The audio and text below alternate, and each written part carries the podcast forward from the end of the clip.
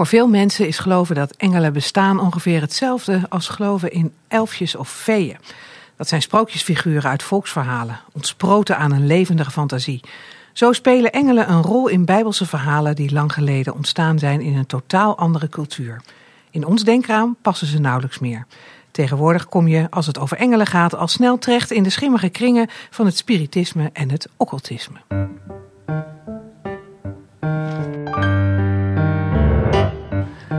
Theologie-podcast gaat over wat vandaag speelt in kerk en theologie. En wil delen, inspireren en verdiepen.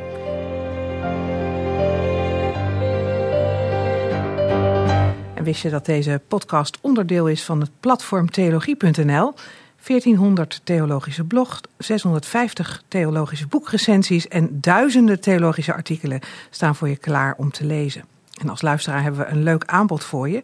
Lees alles op theologie.nl één maand gratis. Ga naar de site en kies lid worden. Gebruik de code podcast tijdens je bestelling. Tot ziens op theologie.nl. Rob van Houwelingen is als Nieuwtestamenticus verbonden aan de Theologische Universiteit Kampen.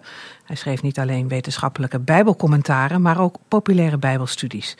Vorig jaar verscheen zijn boek Hemelse reisbegeleiding over de rol en betekenis van engelen in de Bijbel. Hij zou een van de allereerste gasten in de theologie-podcast zijn geweest, waren het niet dat corona roet in het eten strooide, gooide. En precies een jaar na het verschijnen van zijn boek is hij dan toch de gast. Hartelijk welkom, Rob van Houwelingen. Fijn dat je er bent. Dank. Ben je hier gekomen met hemelse reisbegeleiding onderweg? Nou, het uh, verkeer uh, was tamelijk rustig. Maar uh, er zat wel op, de, op de passagiersstoel zat niemand. En dat zou kunnen betekenen dat daar een, een engel heeft gezeten. ja. ja? Nou ja, eind vorig jaar ben ik in Amerika geweest. En dat was een, nogal een lange reis. En toen zeiden we inderdaad grappend tegen elkaar... nou, Rafael is wel de, de echte reisgenoot. En misschien gaat hij wel met je mee. En zowel op de heenreis als op de terugreis in het vliegtuig had ik een lege stoel naast me. Hmm. Waarop uh, ongetwijfeld Rafael heeft gezeten. Ja. Want ik uh, ben heel huids uh, heen en teruggekomen. En Rafael is een, een van de beschermengelen. Ja. ja. Heb je wel eens een engel gezien? Want dit zijn de lege stoelen. Maar heb je ook werkelijk wel eens een engel gezien? Nee, helaas niet. Nee, jammer als je zo'n boek schrijft. Ja. ja. Wil je toch wel op zijn minst dat een keer meegemaakt hebben. Is het wel zo dat mensen in deze tijd nog engelen zien?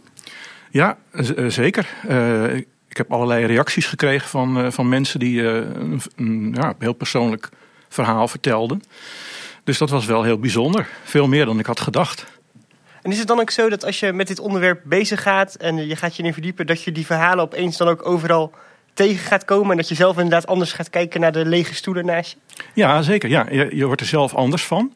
Ik ben zelf nou niet zo'n zweverig type, om eerlijk te zijn. Dus tamelijk uh, straight en... Uh, echte vrijgemaakte? Uh, nou...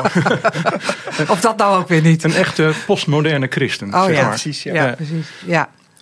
maar inderdaad, door met het onderwerp bezig te zijn en door reacties van mensen, ga je er wel veel meer bij stilstaan dat er meer is dan wat je ziet en waarneemt. En dat er ja, een, een onzichtbare wereld moet zijn waar zich die, die engelen bevinden. Ja, want ik, eerlijk gezegd denk ik altijd als mensen tegen mij als predikant beginnen over engelen, dan denk ik altijd, oh ja, rood lampje, esoterie komt om de hoek kijken. Dat zijn toch vaak, moet ik zeggen, mensen die wat, wat, wat ja, aan de rand van het christendom misschien zich een beetje begeven en zich dan ook met engelen bezighouden. Klopt, klopt dat beeld of is dat een vooroordeel wat ik dan uitspreek? Nee, dat uh, klopt aardig. Als je gaat, gaat googlen op uh, engelen, dan kom je al heel uh, gauw bij vage spirituele websites. Sorry, terecht. En een daarvan is bijvoorbeeld in contact komen met je eigen engel. Ja, ja. Oh ja. Daar kun je een hele cursus vol. heb ik niet gedaan. Nee. Oh, was het niet toch in de verleiding om dat eens even uit te proberen? nee, nee, nee, nee, het gaat mij toch te ver. Nee. Maar buiten die esoterie kunnen we het ook over engelen hebben, neem ik aan. Want dat, dat boek wat jij geschreven hebt, de Hemelse Reisbegeleiding, is helemaal gefundeerd eigenlijk op het Nieuwe Testament en op de teksten uit de Bijbel. Ja, ik ben natuurlijk uh, een Bijbelwetenschapper, dus uh, ik heb me vooral bezig gehouden inderdaad met alle teksten uit het Nieuwe Testament waar uh, engelen worden, voorkomen of worden genoemd. En ja, daar heb ik een aantal Bijbelstudies van gemaakt. En dat zijn met twaalf hoofdstukjes die je ook los van elkaar kunt, kunt lezen. En samen geven ze een beetje een beeld van ja, wat engelen zoal in de, in de Bijbel doen. Ja. En dan trek ik heel voorzichtig wat lijntjes door naar eh, de huidige tijd. Ja. En eh, er komen ook heel veel engelen in het Oude Testament voor. Waarom, waarom heb je gefocust op het Nieuwe Testament? Omdat ik een nieuw testamenticus ben. ja, maar die lezen toch ook wel eens in het Oude Testament? Ja, zeker.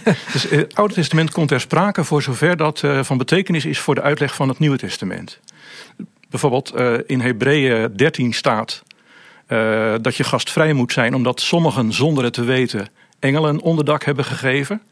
Nou, dat, dat is een eh, ondubbelzinnige verwijzing naar eh, de geschiedenis van Abraham, die eh, drie mannen op bezoek kreeg. En een hoofdstuk verder Lot, die twee engelen op bezoek kreeg, niet wetende dat het engelen waren en die ze gastvrij onderdak gaf. Dus dan koppel ik terug naar het Oude Testament. Ja. En dan de keuze, want ja, dat is weer een ander vooroordeel van mij, maar ik leg ze toch maar allemaal weer even op tafel. Ik denk, een serieuze Nieuw-Testamenticus, die gaat zich toch niet met engelen bezighouden. Dus waarom, waarom ervoor gekozen om, om dan toch zo'n onderwerp uit te diepen? Ja, dat is een goede vraag. Ehm, het is eigenlijk begonnen met die tekst uit Hebreeën die ik, eh, die ik noemde. Daar, eh, ja, dat vond ik altijd al een heel intrigerende tekst. En toen hoorde ik een keer een dominee preken over die tekst. En het was allemaal van, ja, we moeten gastvrij zijn. En geen enkele verwijzing naar, eh, naar het Oude Testament. Ik dacht, eh, ja, dat moet toch beter kunnen. Dus toen ben ik eh, me daarin gaan verdiepen. En toen kwam ik op een andere tekst uit gelijkenis van de rijke man en de arme Lazarus. Dat, daar staat dan als die Lazarus sterft, dan wordt hij door de engelen gedragen in Abrahams schoot. En net toen ik daarmee bezig was, kwam mijn moeder te overlijden. Dus dat was wel een heel existentiële tekst. En bij, eh, bij de begrafenis waren mijn eh, lieve kleinkinderen eh, ook aanwezig. En dus ik zei van, nou je moet maar zo denken van, oma is door de engelen opgehaald. Zegt mijn jongste kleindochter. Ik denk, opa, dat oude oma nu bij de Heere God is. nou, dan hoef je niks meer te zeggen. Nee, precies. Die, zei, die wilde toch even de first things first. Leuk, die engelen. Ja, ze had eigenlijk die hele engelen niet nodig. Nee, precies. Het ging toch om de Heere God, ja. En, en is het dan ook zo dat als je dan begint aan je onderzoek, dat je, eh, je hebt natuurlijk heel veel bagage uit de cultuur over hoe engelen eruit zien en wat ze doen en beelden uit de kunst. Je eh, beschrijft ook schilderijen in je, in je boek. Heb je dat aan de kant gezet of juist ook meegenomen in de manier waarop je ermee omging? Meegenomen. Eh, ja, er is een, inderdaad een heel mooi boek over eh, engelen in de cultuurgeschiedenis. Dus dat hele boek heb ik eh, doorgespit. En toen kwam ik al heel snel op de kunstschilder Marc Chagall, een Joods schilder uit de vorige eeuw. Nou, die heeft ontiegelijk veel eh engelenschilderijen gemaakt. En, en, heel veel daarvan heb ik samen met een vriendin van ons die zelf schildert besproken. Paul Klee. Mhm. Niet iemand die nou echt eh, zei van nou, ik ben een christen of een gelovig iemand, maar die wel op het laatst van zijn leven een 60, 70 eh engelenfiguren heeft geschilderd. Omdat hij eh, vond dat engelen juist een, een brug vormen tussen de, de zichtbare en de onzichtbare wereld. Dus juist in de kunstgeschiedenis, ook in de kunstgeschiedenis van de 20e eeuw, komen heel veel eh, engelen voor. Dat, eh, dat was wel een openbaring voor me. ja er, staan, er staan ook een aantal afbeeldingen in het boek, hè? Ja, Mooi, eh, ook van. Chagall en ook van die vriendin van ons, Ja. die, die ja, ook geïnspireerd is geraakt door, door het meelezen met het manuscript van dit boek. En die begon het ene na het andere engelenschilderij te maken. Dus die beelden gingen mee. Dat, dat kleurt natuurlijk ook je eigen visie op de betekenis van engelen. Wat, wat, wat is dat? Wat, wat is een engel? Wie is een engel? Ehm, ja, het is heel lastig om een definitie van engelen te geven. Mhm. Maar het, het zijn, eh, ja, je zou kunnen zeggen, hemelse lichtwezens. Die, eh, die thuis horen in, eh, in, de, in de hemelse ruimte. Maar die van daaruit ook heel makkelijk de grens tussen hemel en aarde kunnen oversteken. Dus ze zijn ook ons gegeven, staat ergens in het begin van Hebreeën, om, om ons als gelovigen te helpen om onze bestemming te bereiken. En vandaar ook die hemelse reisbegeleiding Ja. eh, die ik Ja. als titel heb gekozen. Ja, ja. Dus dat, om ons te helpen om ook op een manier te leven die daarbij past? Of, of hoe, hoe zou je dat dan moeten zien? Of om ons te beschermen? Of, of...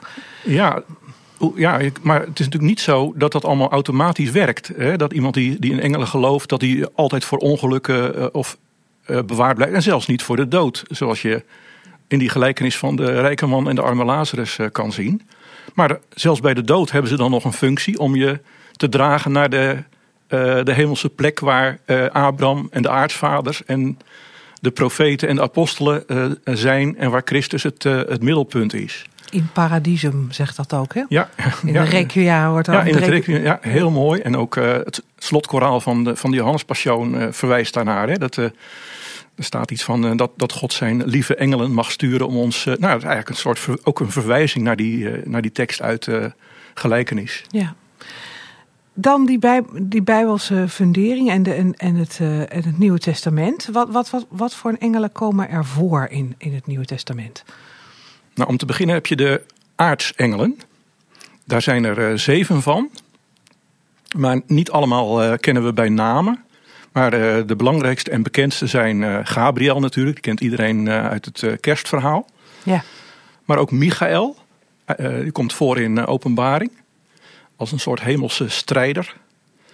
En dan hebben we nog Raphaël. En die komt voor in een van eh, de Deuterocanonieke of apocryfe boeken. Is onder protestanten niet zo Nee, in tel. Maar Rooms-Katholieken lezen die boeken wel. Ja. ja, daarom heb Ja. ik er toch maar een hoofdstukje aan gewijd. Ja. En aartsengelen, je moet even eh, nadenken dat ehm, aarts, dat heeft niet, niks met de aarde te maken.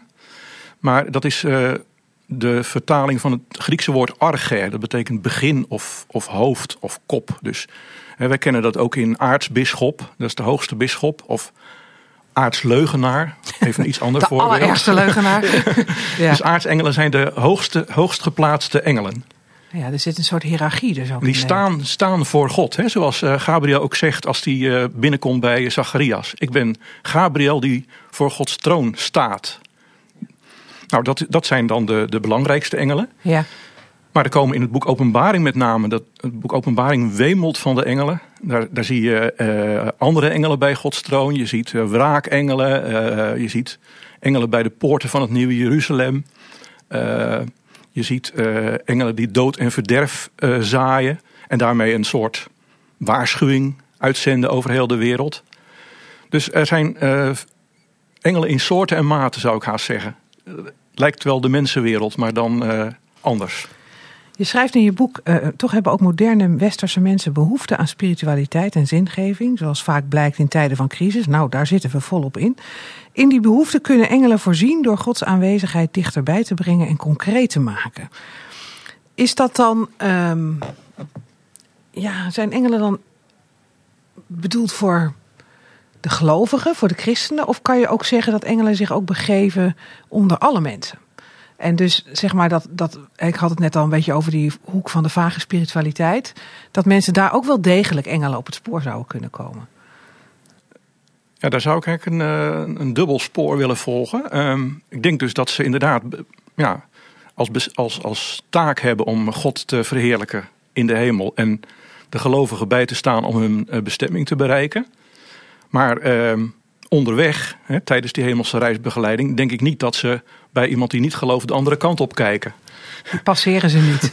Ja, ik moet ook denken aan, de, aan het verhalen die je wel eens hoort van niet-westerse christenen. Waarbij bijvoorbeeld in bekeringsverhalen vaak engelen of ervaringen met engelen een rol spelen. Dus misschien is dat ook wel cultureel bepaald. Maar daar zie je inderdaad dat het ook buiten de grenzen van de kerk zich. eh, Ja, zich zeker. Ja. Hoewel natuurlijk daar ook de kerk wat, eh, wat wijder verbreid is dan bij ons.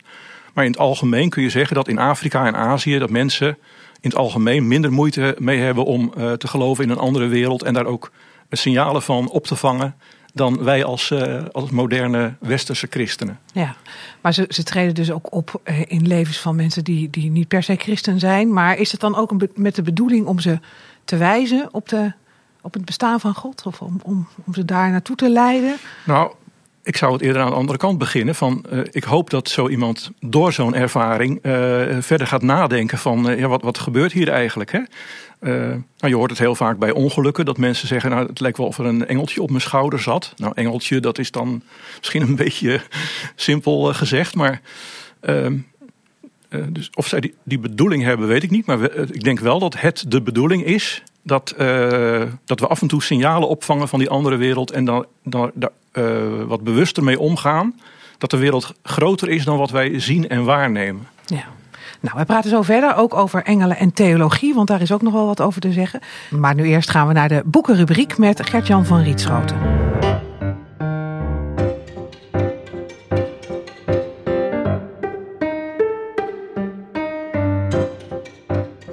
Gert-Jan, jij hebt eh, een boek voor ons meegenomen. En deze keer is het van een, van, ja, je zou kunnen zeggen, in Christelijk Nederland een bekende Nederlander. Ja, zeker. Els van Dijk. Ehm, ze, ze, neemt eh, deze zomer afscheid van de Evangelische Hogeschool en heeft vanuit die plek natuurlijk al heel veel betekend voor, voor jongeren, maar ook voor jongere werkers. Als er hier iemand binnenkomt uh, die een cadeautje zoekt voor een nieuw aanstellen jeugdouderling of jeugdleider, loop ik vaak naar de D van Els van Dijk. Ze heeft al heel, veel, heel veel meegebracht natuurlijk, een mooie boek ook. Um, en ja, Els van Dijk moet je gewoon af en toe eventjes naar luisteren. Moet je af en toe eventjes naar in, in, lezen. En, moet je af en toe eventjes uh, op je in laten werken. Want wat ze zegt is ja, bekend misschien. Uh, maar het is heerlijk om af en toe weer door getroost te worden en richting door te krijgen. Ehm, dit boek heet Zinvol Leven. Um, ja, het leven van de jonge lui is, is vol.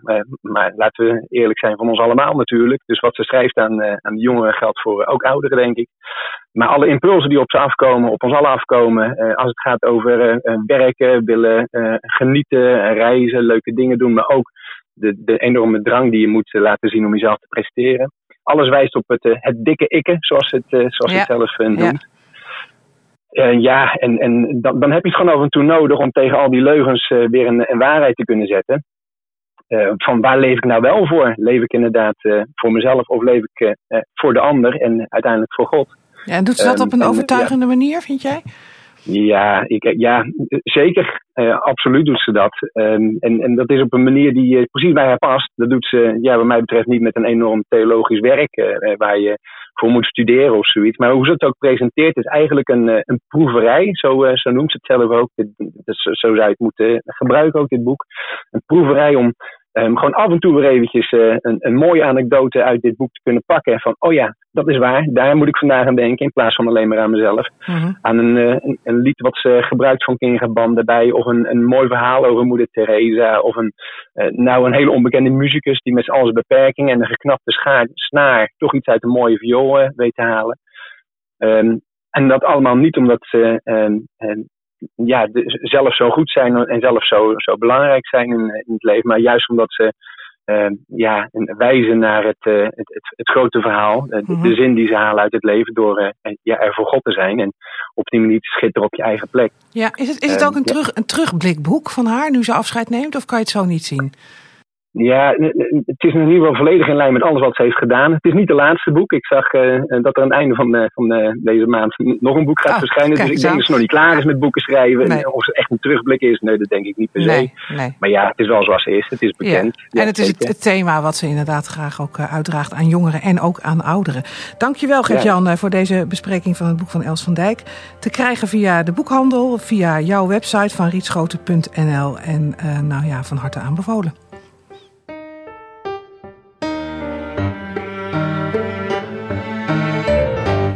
Terug naar onze hoofdgast Rob van Houwelingen. We spreken met hem naar aanleiding van zijn boek Hemelse Reisbegeleiding over de betekenis van engelen. En als ik we zeg, dan bedoel ik ook Mark de Jager en ik samen. Want Mark is uh, de vaste sidekick bij dit programma. Uh, ja, Rob van Houwelingen, de theologie en de engelen. Dat schrijft u zelf ook in uw boek. Iemand als Karl Barth die vond dat je het maar niet over engelen moest hebben. En er zijn meer theologen die engelen toch een beetje rangschikken in ja, de hoek waar ik het ook eerder al plaatste. De, de esoterie en daar moet je niet te veel over nadenken. Hoe zit dat? Ja, ik denk dat die mening van Karl Barth behoorlijk veel invloed heeft gehad in theologenland. Hij, hij stelde Christus centraal. Hè? Dat was natuurlijk zijn grote boodschap. Ja. En uh, ja, vergeleken daarmee, zei hij, uh, zijn engelen maar een, een, randverschijnsel. Die doen al, uh, het zijn een beetje franje in de Bijbel. Hè. Ze heffen af en toe een lied aan en nou, dat is het dan ongeveer. nou, dan denk ik dat hij toch de rol van engelen onderschat. Hè. Ze, zijn er ook om dingen aan te kondigen, zoals Jezus' geboorte. Nou, denk maar even aan de opstanding. Daar zijn ze toch heel prominent als boodschappers aanwezig. Ja. Hè, angeloi, dat betekent sowieso al boodschappers in het Grieks. Dus... Um, uh, ik denk dat hij zich, zich daarin vergist. Maar de, de waarheid, denk ik, van zijn opmerking is natuurlijk wel dat het ga, alles gaat in, in, de Bijbel om Christus. Mm. Dus ehm, in die zin, maar ja, dan, dan zou je ook kunnen zeggen dat bijvoorbeeld de apostelen, dat zijn ook uh, zijn ook boodschappers. Dus daar moeten we het dan ook maar niet over nee, hebben. Nee, dat zijn dan ook randverschijnselen en zo kun je nog wel even doorgaan. Dus ik, ik denk dat dat een, een hele vreemde tegenstelling is tussen centrum en rand. Maar hij, heeft, hij, heeft wel, hij heeft wel veel invloed gehad, begrijp ik. Ja, ook, ook op ja. theologen na hem. En, en waar merk je dat aan, dat dat, dat, dat zo is? Nou ja, dat het ongemakkelijk is in de theologie om over engelen te spreken. Er zijn ook heel weinig boe- boeken over verschenen. Abraham Kuyper heeft er nog een dik boek over geschreven, kwam ik achter. Dat is alweer een eeuw geleden. Ja. En dan- Waar heeft hij niet over geschreven? Vraag je je soms bij Kuiper af. Ja. Ja. Ja, en ook wat, wat kleinere eh, bijbelstudies. Onder andere van Arie van der Veer. Is ook een heel, mo- heel mooi boekje met, eh, met mooie illustraties eh, daarbij. Maar Arie van der Veer die, die, die- houdt het er toch een beetje op dat de engelen vooral in de bijbelse tijd optraden.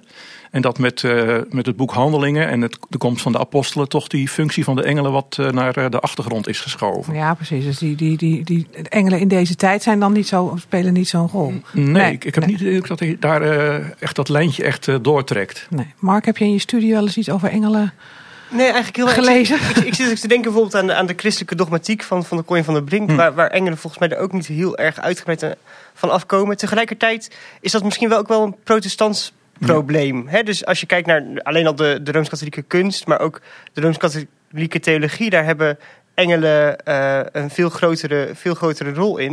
En misschien past jouw boekje ook wel een beetje in een, eh, toch wel een beetje een protestantse traditie. We hebben eerst Arnold Huygen gehad, die Maria heeft, eh, Ja. heeft herontdekt. En nu eh, Van Houwelingen, eh, niet in Apeldoorn, maar in Kampen, die de, die de engelen herontdekt. Dus misschien zitten we hier volgend jaar met een gast die de heilige er nog even bij, eh, bij haalt.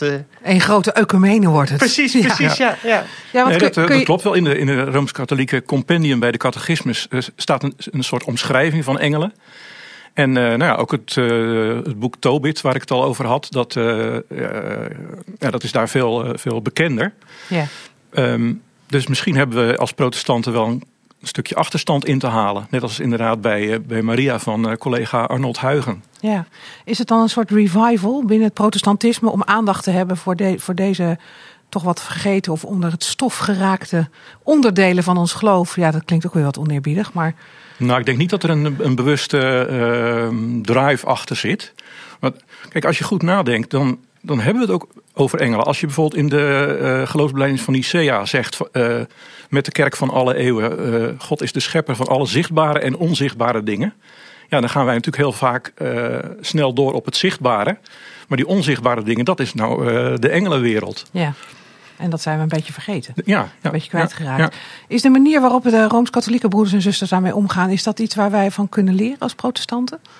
We, kunnen, we kunnen altijd eh, van elkaar leren. Ja, maar heel specifiek dit. Ehm, Want engelen worden ook genoemd in de liturgie bijvoorbeeld. ja, Eh, er wordt eh, gebeden op voorspraak van de engelen. En ook als, als ehm, nou, een soort persoonlijke beschermengel. Hè? Dus, ja, hoewel eh, Maarten Luther had ook nog eh, dat idee. Hè? Dat, eh, hij beval ouders aan dat ze hun kinderen zouden leren van... Nou, je hebt je persoonlijke beschermengel. En als je nou maar re- regelmatig tot God bidt en daarbij ook eh, aan die engel denkt, dan, eh, dan zal het je goed gaan. Dus dan is die website van eh, ontdek je eigen engel. Of waar, waar je aan het begin van de podcast komt. Is zo gek, Ja. is zo gek nog niet. eh. Nee. Ja, maar of iedere gelovige een, een eigen persoonlijke beschermengel heeft, dat heb ik in, de, in het Nieuwe Testament niet kunnen vaststellen. nee. Ik denk wel dat er beschermengelen zijn in het algemeen. En ook dat ze wel eh, omkijken naar, eh, naar de, de geringen, zoals eh, Jezus zelf zegt in Matthäus 18. En in de uitleggeschiedenis zijn die geringen heel vaak gelijkgesteld met kinderen.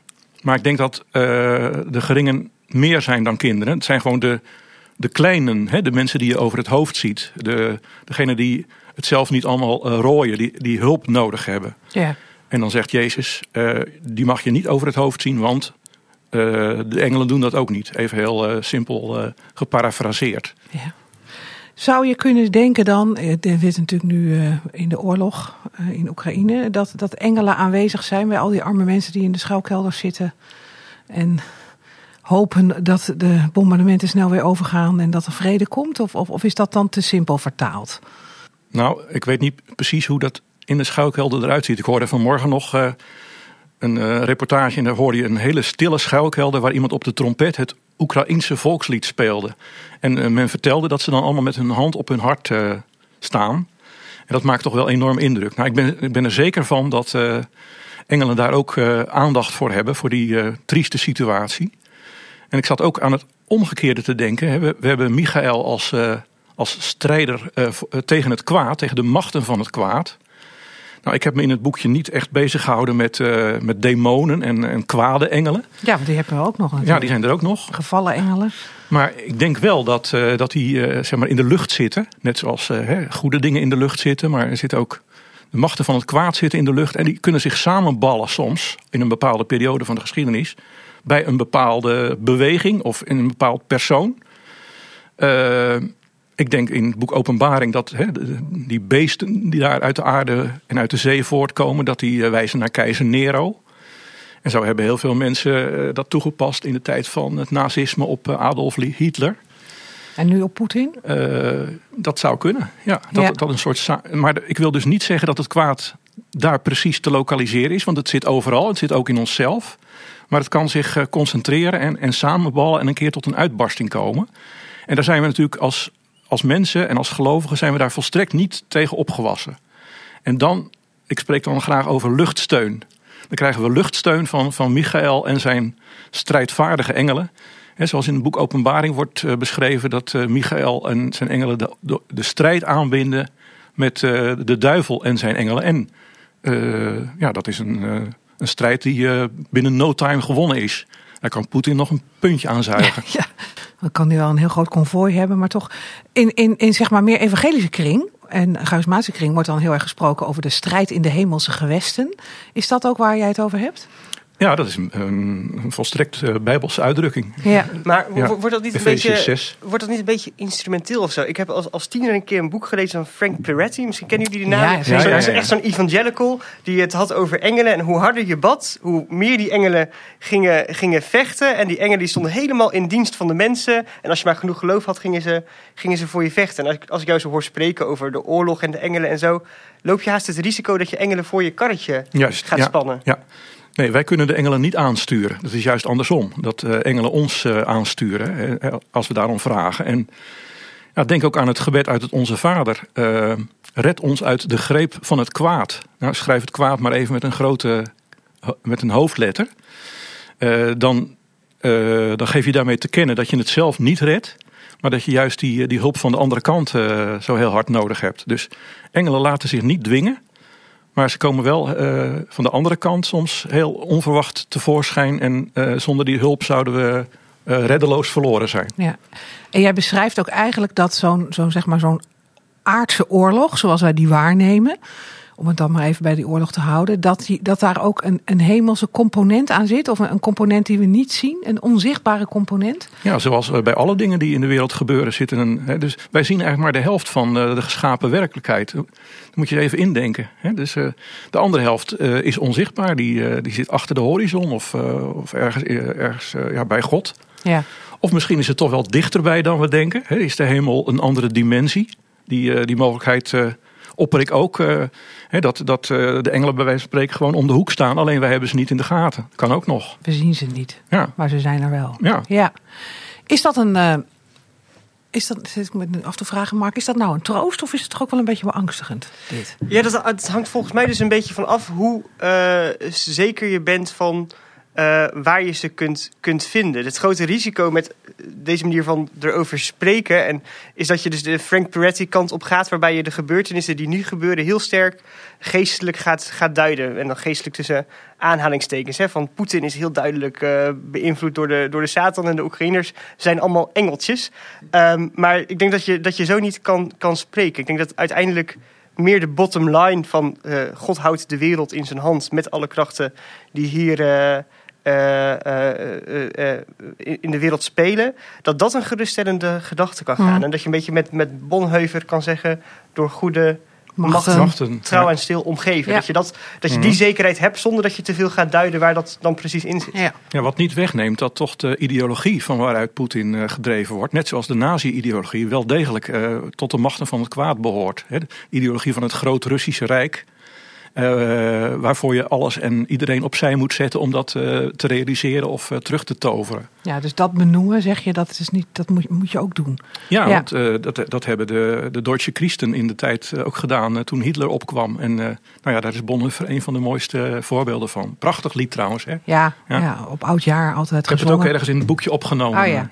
Wat is je hoop met dit boek? Uh, want het is heel duidelijk gericht op, op, op gelovigen, op christenen. Dus bu buiten zeg maar, het esoterische gebied. Um, ja, wat, wat, wat wil je bereiken? Nou, daar heb ik nooit zo verschrikkelijk over nagedacht. nou, dan nu. ik ben Nieuwtestamenticus en ik wil graag uh, dingen uit het Nieuwe Testament voor een, uh, voor een groter publiek helder uiteenzetten.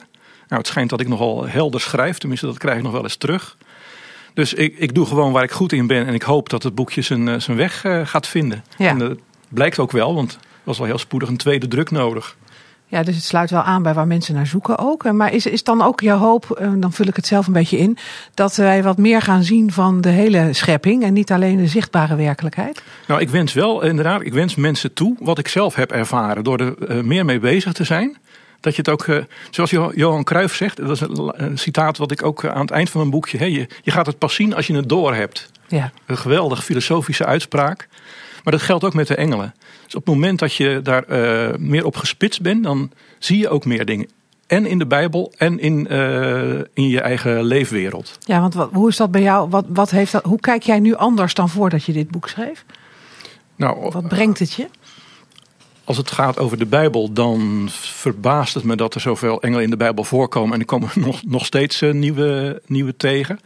En ik heb ook meer um, begrip gekregen voor mensen met, die hun, hun engelverhaal vertellen.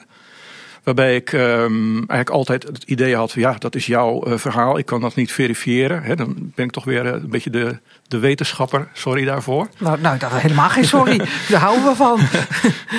en nu denk ik van: nou, uh, misschien heeft de ene mens een meer um, openheid daarvoor. Is, een, is het ook een kwestie van karakter?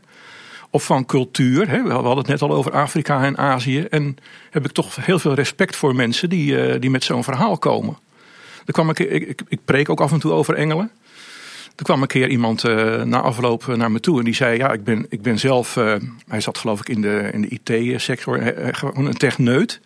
Dus ik had het helemaal niet verwacht, maar ik heb een keer gehad aan het eind van de kerkdienst dat er bij het uitgaan van, van de kerk dat er twee engelen aan de weerszijden van het gangpad stonden. En ze knikte mij vriendelijk toe. En ik ben wel de laatste die zich, zoiets zou verbeelden. En hij, hij deelde die ervaring dus uh, om te laten zien van ja, het, uh, het kan zelfs mensen treffen die daar niet bepaald op, op, op gespitst zijn. Ja. En dan heb je toch denk ik even een glimp van die andere werkelijkheid die we normaal niet zien, maar die er wel is. En word je eraan herinnerd ja, hoe, hoe groot de schepping is en hoe groot God is. Ja. Dankjewel. Rob van Houwelingen. Uh, Hemelse reisbegeleiding is jouw boek over sporen van engelen in het Nieuwe Testament.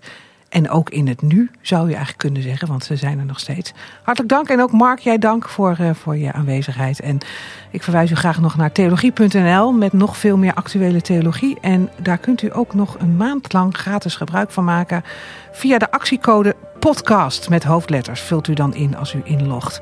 Blijf ons volgen en abonneer je ook op deze podcast, de Theologie Podcast.